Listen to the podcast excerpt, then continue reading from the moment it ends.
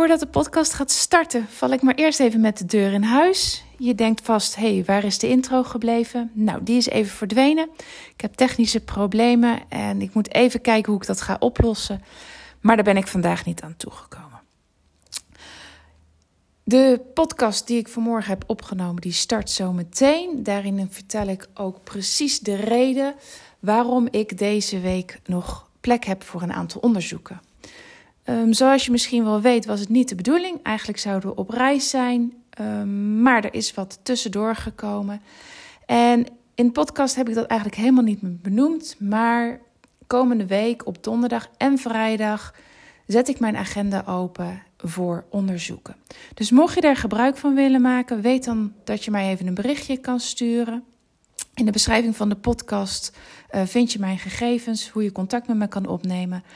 Um, nou, dat was het eigenlijk. Veel plezier met het beluisteren van deze nieuwe podcast. Ha, lieve luisteraars. Ja, daar ben ik weer eens even. Uh, het is best wel even een, uh, meer dan een week geleden dat ik de laatste podcast opnam. En er is in de afgelopen ja, anderhalve week, denk ik dat het is, best wel wat gebeurd. Allereerst zijn wij uh, vorig weekend een paar dagen naar Oudorp gegaan met de caravan. Vanwege medische klachten van een van onze kinderen zijn we in Nederland gebleven. Omdat we zaten te wachten op een, uh, op een afspraak in het WKZ. We hadden een doorverwijzing gekregen omdat de eerste operatie niet, ja, niet voldoende was geweest. En de klachten weer waren teruggekomen bij een van de kinderen. En ja, weet je, op het moment dat je kind zich niet goed voelt, niet lekker is en klachten heeft waar eigenlijk gewoon snel op gehandeld moet worden, ja, dan wil je absoluut niet in het buitenland zitten. Dus we hebben besloten om in Nederland te blijven en de caravan in eerste instantie in Ouddorp te zetten, omdat het natuurlijk prachtig weer was. We hebben daar hele fijne dagen gehad. Het weer werkte natuurlijk heerlijk mee. Het was echt een prachtig weekend. En in die tijd hebben we zitten wachten tot wij een telefoontje kregen van het eh, WKZ. Nou, die kwam uiteindelijk uh, afgelopen dinsdag. En er was gelukkig heel snel plek. We konden gisterochtend, gisteren was het donderdag, gisterochtend konden we daar al terecht om half negen s morgens. En heel fijn dat, het, ja, dat er toch wel gewoon echt snel gehandeld wordt. Want gezien de klachten ja, kan je daar gewoon niet heel lang mee, uh, mee blijven rondlopen. En ik ben daar gisterochtend geweest. Nou, om uh, een heel lang verhaal kort te maken, we hebben gesproken met de kinderarts. Er zijn allerlei onderzoeken afgenomen. En uh, is er besloten om aanstaande maandag weer opnieuw te gaan opereren. Goedemorgen. En dat, uh, nou ja, dat maakt natuurlijk gewoon dat we aan de ene kant opgelucht zijn dat er, uh, ja, dat er duidelijkheid is. Aan de andere kant ook gewoon dat het wel echt heel vervelend is dat dit moet gebeuren. Maar voor zover wij met z'n allen nu kunnen beoordelen, en de artsen ook, um, ja, speelt er niet iets ernstigs op de achtergrond. Uh, maar zijn het wel gewoon klachten die snel verholpen moeten worden. Um, dus uh, vandaar alle spoed daarachter. Maar gisterochtend reed ik dus uh, al vroeg richting Utrecht. En we waren heel erg vroeg vertrokken, omdat je natuurlijk gewoon nooit weet wat je tegen gaat komen in, uh, in dat stuk wat wij moeten rijden. En je wil daar gewoon op tijd zijn, zeker omdat er gewoon uh, ja, vanuit het WKZ moeite was gedaan om, uh, om deze plek zo snel mogelijk vrij te maken. Dus we reden al vroeg die kant op en ja, er was rust. We hadden eigenlijk niet echt de behoefte om te kletsen samen. En uh, ik was aan het denken van, goh, weet je, eigenlijk, mijn hoofd gaat altijd. Laat ik dat even voorop stellen. Er is altijd wel wat wat ik bedenk en altijd wel iets waar ik mee bezig ben in mijn hoofd. Uh, dus ook als ik auto rij, gaat er van alles door mij heen en ben ik altijd uh, alles over, aan het overdenken. En ja, een van de gedachten die in mij opkwam is van, weet je, het aller, aller, allerbelangrijkste voor voor mij als ouder, maar ik ga ervan uit dat dat voor alle ouders geldt, is dat het goed gaat met je kind. In ons geval dat het nu, uh, ja, dat de gezondheid weer oké is, dat alles in orde is. Uh, Maar bedacht ik me, dit heb ik ook uh, in de periode gehad dat onze kinderen op school waren. Het, geldt natuurlijk niet alleen, je gezondheid is niet alleen je lichamelijke, uh, het lichamelijke stuk. Het geldt natuurlijk net zo goed voor het geestelijke stuk. En dat is wel iets wat ik altijd gevoeld heb in de jaren dat ze naar school gingen en in de jaren dat ik zag dat het niet goed met ze ging. Um, ook dat, ook toen was het gewoon heel belangrijk dat het goed met ze ging. En dat ze lekker in hun vel zaten en dat ze geestelijk gewoon gezond waren. En vanaf het moment dat ik merkte dat dat niet zo was, uh, ja, dat deed wat met me. Dat, dat vond ik moeilijk. Net zoals ik het nu moeilijk vind om te zien dat een van de kinderen gewoon lichamelijk echt niet goed, uh, dat daarmee echt niet goed gaat. Uh, dan, je wil dan gewoon heel snel actie. Maar dat wilde ik toen ook. En in het begin vond ik dat heel erg moeilijk. Ik wist niet waar te beginnen. Ik wist niet wat te doen.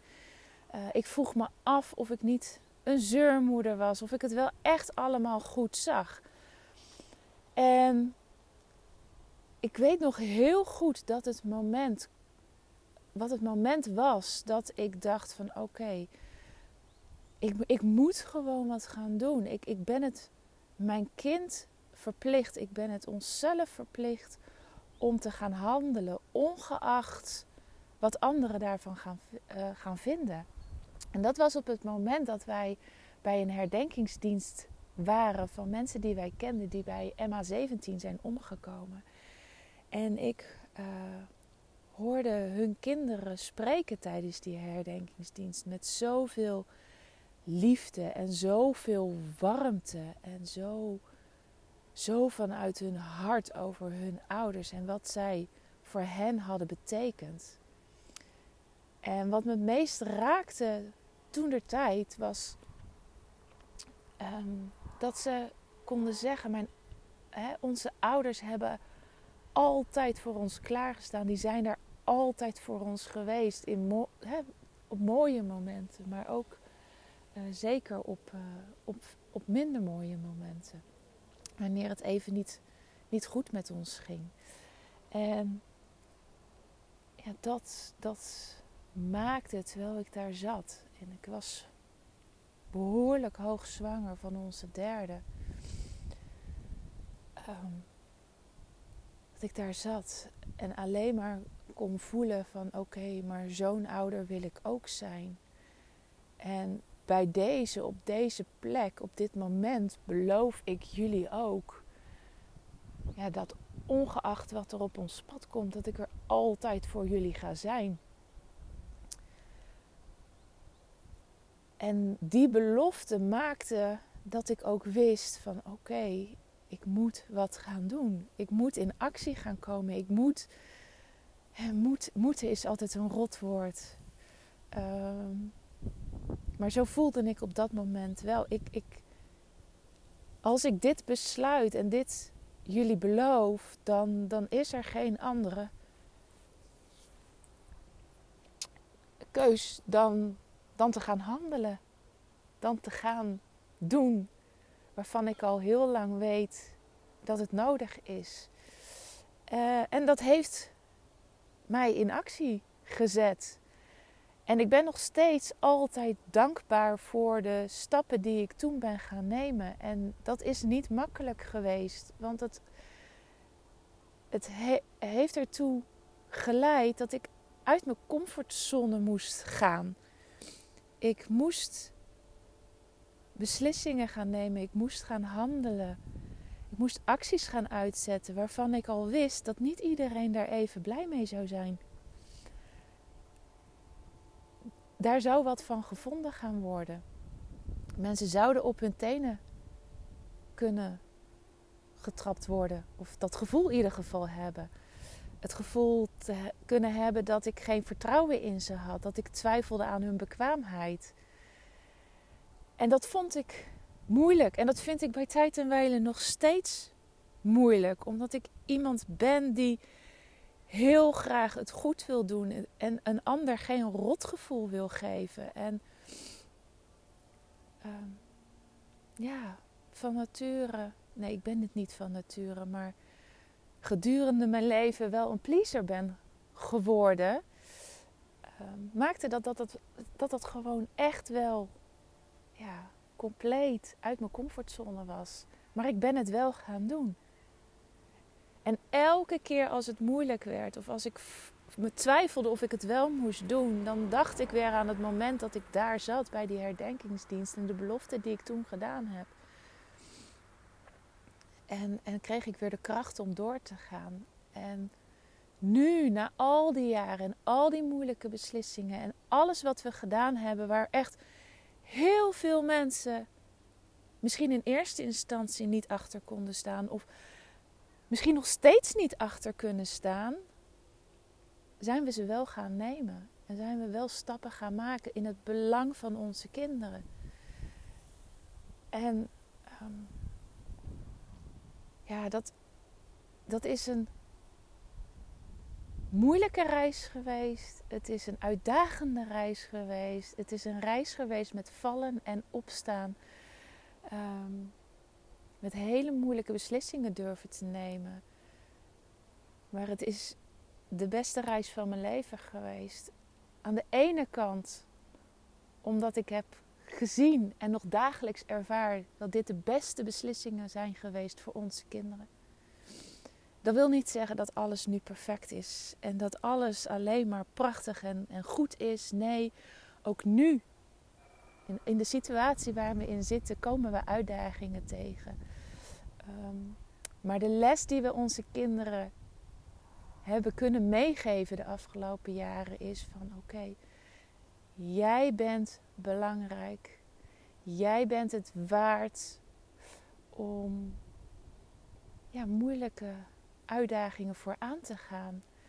En mijn hoop is dat door het zelf voor te leven, uh, ze gaan zien en ze ervaren van oké, de moeilijke beslissingen die ik misschien zelf moet nemen of de uitdagingen die ik zelf moet aangaan, uh, die kan ik aan. Kijk maar, mijn ouders hebben het ook gedaan. Wij he, ze hebben dat voor ons gedaan. En ja, ik, ik hoop gewoon heel erg dat wat wij voorleven aan hen, dat ze dat overnemen. En ik zie daar ook dingen van terug.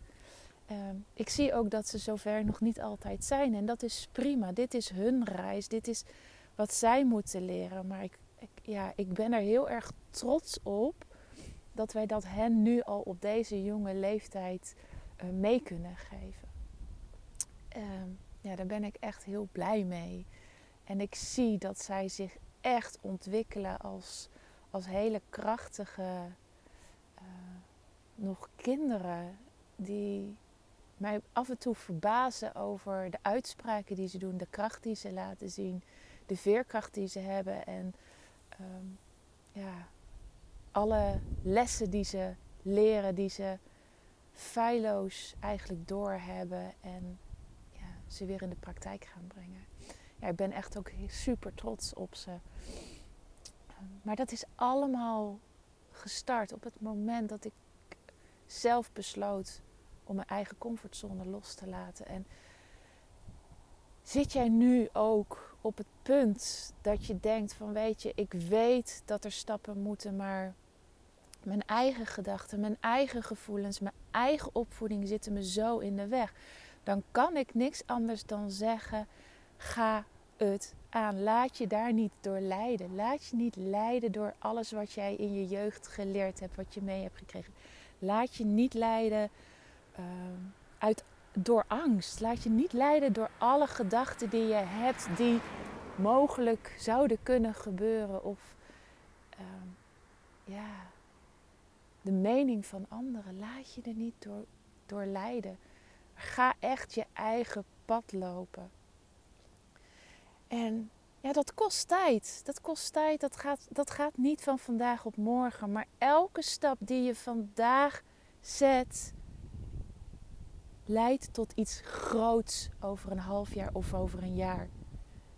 Maar niks doen leidt tot geen verandering. Dan sta je over een jaar nog steeds op hetzelfde punt als waar je nu staat. Maar als je vandaag één kleine mini-stap gaat zetten en je doet dat 365 dagen in het komende jaar, dan garandeer ik jou dat er volgend jaar een heel andere ouder staat. Ik vraag niet aan je of je mega stappen gaat zetten. En dat je opeens spontaan van vandaag op morgen of van vandaag op volgende week een heel ander persoon bent. Nee, dat is een illusie, dat gaat je niet lukken. Dat gaat alleen maar je opleveren dat je gedemotiveerd raakt. Maar ga elke dag met jezelf aan de slag. En jij bent een andere ouder volgend jaar. Jouw kind heeft een andere ouder. En er is een hele andere situatie waar je op dat moment in zit. En welke stappen jij moet nemen, dat weet jij. En waar jij volgend jaar gaat zijn, dat, dat is afhankelijk van de stappen die jij gaat nemen. Maar dit, dit is echt de kern van wat ik afgelopen jaren geleerd heb. En wat ik op alle vlakken uh, probeer te doen op het gebied van uh, weer terug in mijn, in mijn lijf te komen van voor de laatste bevalling. Maakt dat ik elke dag probeer. En het lukt niet elke dag, maar daar leer ik weer van. En de dag daarna pak ik het weer op. Probeer te trainen, probeer te wandelen, probeer op mijn voeding te letten. Elke dag ben ik weer iets aan het aanpassen, ben ik weer een stap aan het maken, ben ik mij daar weer in aan het ontwikkelen. En ik weet dat als ik dit het hele jaar door doe, dat ik volgend jaar niet meer het lijf heb van wat ik twee maanden geleden had toen ik begon. Het geldt ook voor mijn praktijk. Toen ik vorig jaar mei, mei 2022 begon met mijn podcast opnemen, moest ik uit mijn comfortzone. Ik moest stappen zetten. Um, ik heb vaak genoeg gedacht van het levert me niks op. Maar ik had mezelf beloofd dat ik het een jaar zou gaan doen.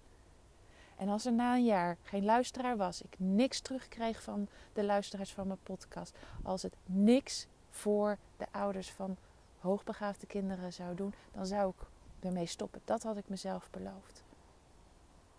En nu krijg ik zo regelmatig te horen van ik beluister je podcast en ik heb er zo ontzettend veel aan. Het geeft me inzichten, het, het motiveert me om stappen te nemen. Dat ik dat hele jaar bezig ben geweest, maar dit is uitkomst. En dat is prachtig. Maar dat is alleen maar gelukt door elke dag weer met mezelf aan de gang te gaan. Mezelf over drempels heen te helpen. Mezelf te staan om fouten te maken. Om mezelf de kans te geven om in deze podcast te groeien. En ben jij een vervent luisteraar, of misschien ben je pas begonnen en ben, je, heb je mijn eerste podcast ook beluisterd, dan kan het niet anders zijn dan dat jij ook hoort dat er verandering is gekomen in de manier waarop ik deze podcast uh, aanga. Er is een ontwikkeling geweest. En die was er niet geweest als ik nooit was begonnen. Dus ga die stappen zetten. Ga met jezelf aan de slag. Elke dag een mini-stap is uiteindelijk een hele berg over een jaar.